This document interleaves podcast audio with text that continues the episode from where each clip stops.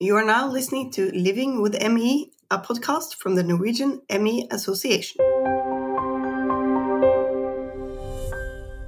ME is a disease that affects thousands of people in different ways.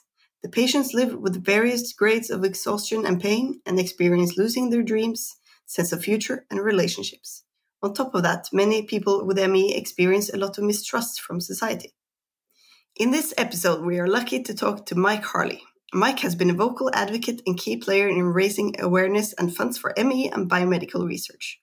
He has done so through unorthodox means, including running a marathon in every EU member state over the course of the last seven years and other physical challenges. Behind his commendable involvement, we find Mike's close friend Ian, who's affected by the illness, and Mike's wish to make a change for him and others in the same situation. Welcome to the podcast, Mike. Hi, thank you for having me. Can you tell me a bit more about yourself? Yeah, sure. Uh, my name's Mike Harley. I live in Bristol in the UK. I have two young daughters and a wife. Um, I'm 40 years old and I work full time as a recruitment manager. And for the last eight years now, I've been running for Invest in ME uh, biomedical research around Europe, uh, raising awareness for ME and obviously trying to get treatments. How did you first learn about ME? Um, so one of my best friends, um, childhood friend called Ian, um, contracted ME after a skiing trip, probably around 15 years ago, and I really didn't know anything about ME um, at that time. But um, obviously, from being friends with him and him telling me more about his symptoms, you know how it affected him, I came to understand a lot more about it, and he was able to talk me through, you know, kind of how doctors perceive it any kind of treatments or cures that that might may or may not have been discussed at the time. So yeah, it was it was kind of learning through him, and you know, I made a decision. I think after he'd had the illness for a few years to do something about it and try and try and raise money and, and raise awareness. Really, running wasn't the first initiative you took. Uh, that was traveling from football club to football club to raise awareness. How did you do that, and what were the results? Well, yeah, we had um, we had an idea. I think Ian and I had always talked about football, and uh, we played football when we were younger, and um, you know it was a bond between us. And um, you know, part of the idea of of the football challenge was to try and reach as many people as possible, um, and, and try and change perceptions about ME, and just try and educate people. Um, so yeah, we we came up with this challenge. It has been done a few times in the UK before, but yeah, to to get to all 92 uh, English Football League grounds is is a massive undertaking. It's many thousands of miles, but um, yeah, I, myself and three friends did it over five days, and you know we were really lucky that the football clubs were very receptive. They opened the grounds for us. We met players. Uh, we were on national TV. We are in the newspapers. Uh, we took a massive banner with us and met people with ME at each football ground uh, which was great. So it was it was good, you know, to understand more from actually meeting more people with ME, and we were able to get quite a lot of press coverage and get into the match day programs. Some football clubs gave us um, some items to sell at auction, which we then gave back to uh, invest in ME. So yeah, it, it, was an amazing experience, and we managed to reach over 10 million people through combination of TV, newspapers, and and the football community and raised, um, I think, around five thousand pounds, which um, you know was a was a good first first project for Invest in ME and, and one which we really enjoyed. So, tell us a bit more about the experience. What was the response uh, from those you met? Uh, it was brilliant. Yeah, we made so many friends. We had people that would come to the football grounds with with cakes and, and snacks for us yeah, we, we met children with ME in wheelchairs, which obviously had a very profound effect on us because we'd not seen that before.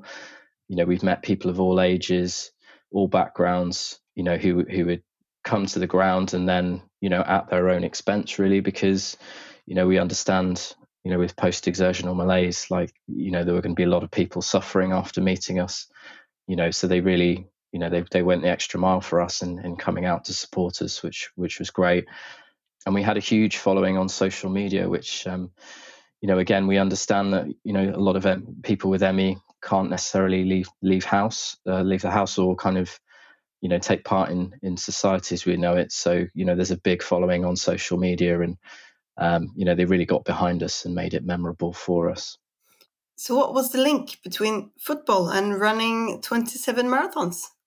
Absolutely no link, actually. Um, the football thing was all about trying to reach as many people as possible, and and I think once that project was over, I didn't want to kind of just finish doing anything, you know, finish doing all projects for for an invest in ME. I needed to come up with something else that was bigger, that would involve more people, um, and kind of keep close to the ME community that we'd we you know we'd had such great support from. So yeah, running was yeah something I did when I was really young. I, I ran a marathon. I ran London Marathon when I was 18 and had no idea what I was doing. I had no training plan, wasn't wearing the right trainers, anything like that. I did one marathon and then I didn't do any other exercise for 14 years. So it was only when I was 32 that I came up with the idea to to go back and run some more marathons. But yeah, the, the primary goal of, of, of the marathon challenge was to raise awareness as ever for people with ME and raise funds, but also to to reach as many people as, as possible, really. So, how is the knowledge about ME uh, among the people you meet normally? Um, it's usually really limited.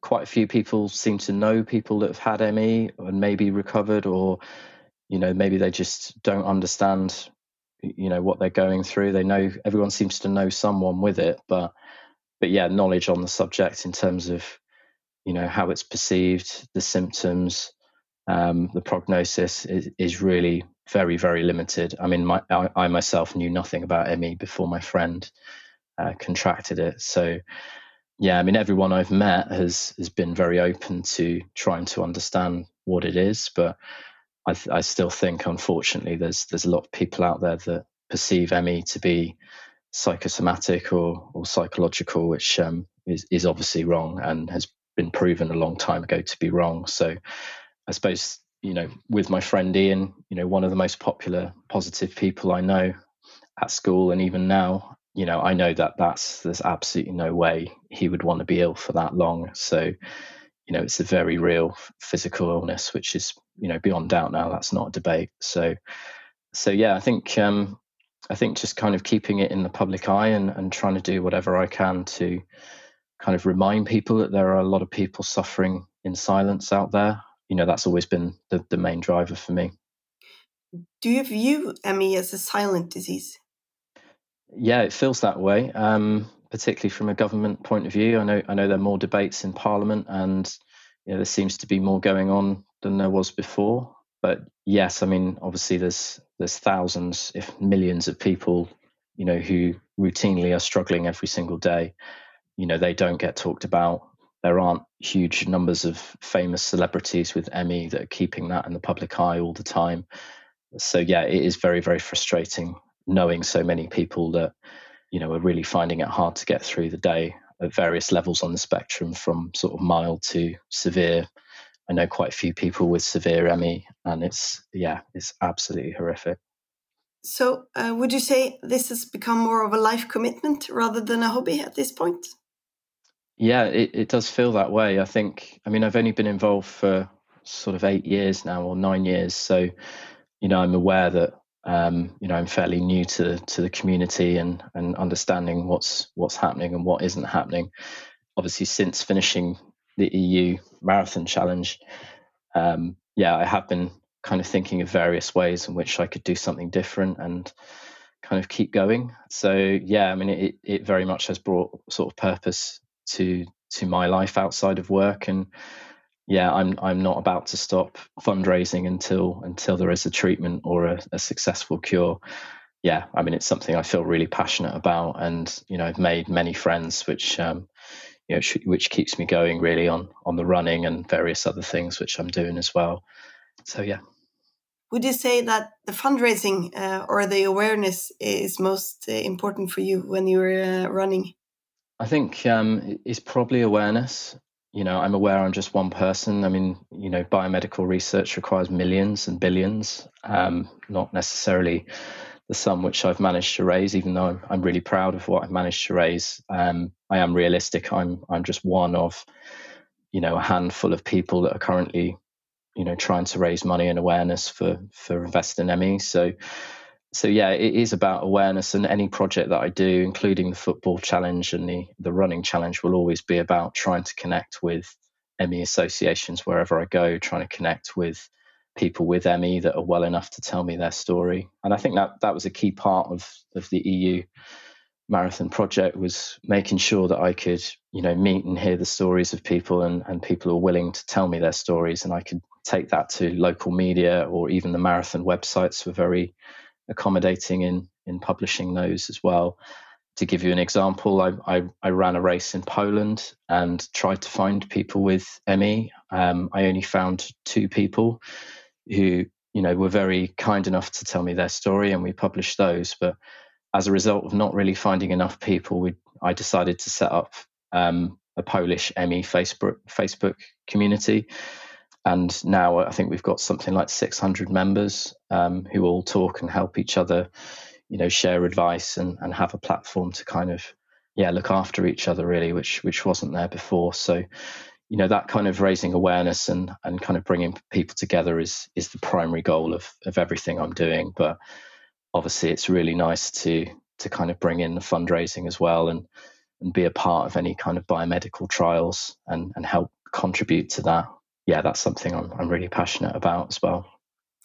You finished uh, all 27 uh, EU member states now. Um, and it's truly inspiring that you uh, to actually com- uh, have decided to continue run. What brings you to Norway now, um, and uh, what do you look forward to uh, when you're visiting?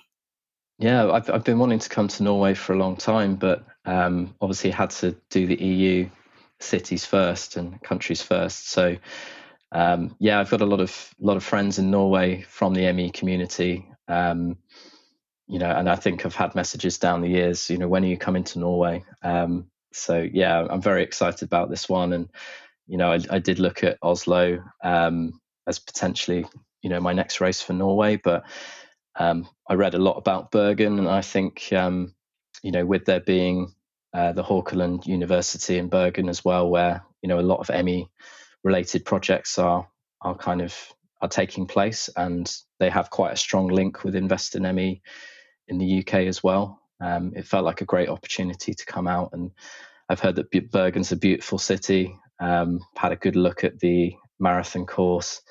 Um, it looks challenging, but yeah, it looks looks like my kind of weather because I think um, yeah, it could could be quite nice and cool and and maybe a bit wet, so that suits my running quite well. Um, but yeah, I'm I'm very excited to get to Norway, and I have got a bit of time to do a bit of hiking and, and maybe get up some some cable cars and check out the fjords and stuff. So as well as meeting people um, with ME, hopefully, um, if people are well enough to come and support me at the race. So uh, yeah, very excited about Norway. So you're going to Bergen uh, this spring, but uh, what are your plans for the future? Uh, will you continue to run for ME?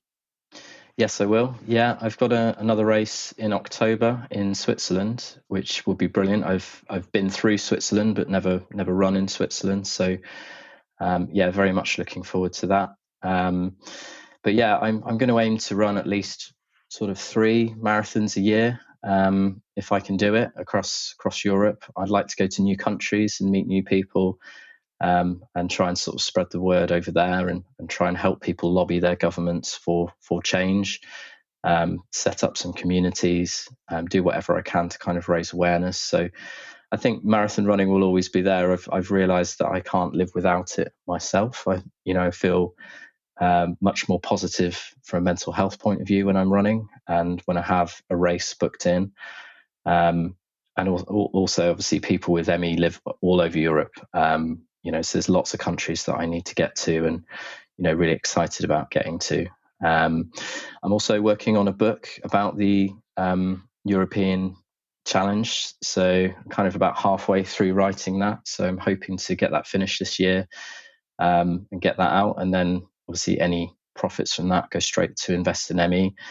Um, but that's that's been a really nice project, just remembering all the different races and uh, all the nice things that have, have been sent to me over the last sort of seven or eight years, um, and just summing that up really, and hopefully that will be a good mix of uh, a diary of the races and the running, but also quite a bit on the stories of people that I've met with ME and you know could help us raise awareness um, not just within the running community, but hopefully a little bit more mainstream as well. So yeah. So uh, where will we be able to get the book when it comes out? Um, I'm sure it'll be on Amazon um, to download, and I'm not sure if there'll be a physical copy. I have to look into that. Um, yeah, I'm just concentrating on finishing at the moment, but yeah, I will I will make it as as widely available as we can. Um, but yeah, for me, the next sort of five or six weeks before Bergen Marathon is all about trying to run uh, 30, 40 miles a week, you know, where I can when my kids are in bed. Um, so yeah, it's it's quite challenging actually just getting ready for this race. But um, yeah, I've got the summer to to work on the book and get it finished, and then hopefully a couple more races before the end of the year. Um, and uh, yeah, I am very keen to come up with a new project as well, which may or may not involve running. Um, but uh, yeah, I'll be keeping running anyway. You said uh, when the kids are sleeping, but now they must in some way be uh, sort of involved now, considering you spent so much time doing this. Yeah, yeah, exactly. Well, I, I, was quite lucky the last three or four races of the challenge. My eldest, Lucy, who's who's four now, um, she came to uh, you know quite a few of the, the ones towards the end. So she came to Rome, my last last marathon. She was around about this time last year, and she gave me a big hug as I went over the line. I'm not sure she fully understood what I was doing, but um, she does enjoy cheering me on at these various races, and um, she knows that I've got to spend quite a lot of time in the week uh, training for for races. So um, she likes playing with the medals and um, you know likes seeing videos of me running and stuff. So um, yeah, she's very much involved, and um, my youngest daughter's only eight months, so um, yeah, she won't have any memories of this yet. But um, hopefully, in the future, I can get them out to some races and and they can come and see me see me finish some races. Finally, Mike, what message would you like to send to people with ME?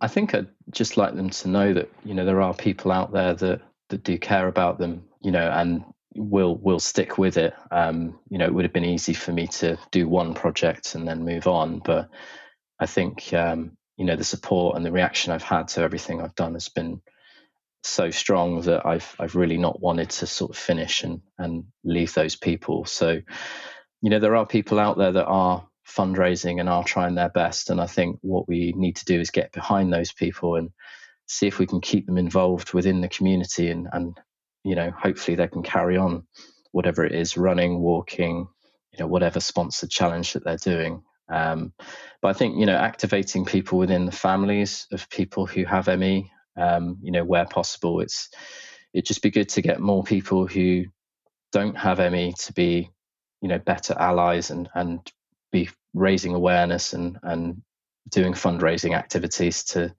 to really kind of keep it in the public eye or you know push governments to to fund biomedical research, which is ultimately what we need. So yeah, for anyone out there that is you know in isolation who who can't lead an active normal life I, yeah just want to let you know there are people out there that do care and and, and are trying for you. So yeah. Thank you for sharing uh, your story uh, your reflections and and not uh, to say the least your enormous contribution to this cause mike. Thank you very much for the interview. My name is margrethe gustavsen thank you for listening to this podcast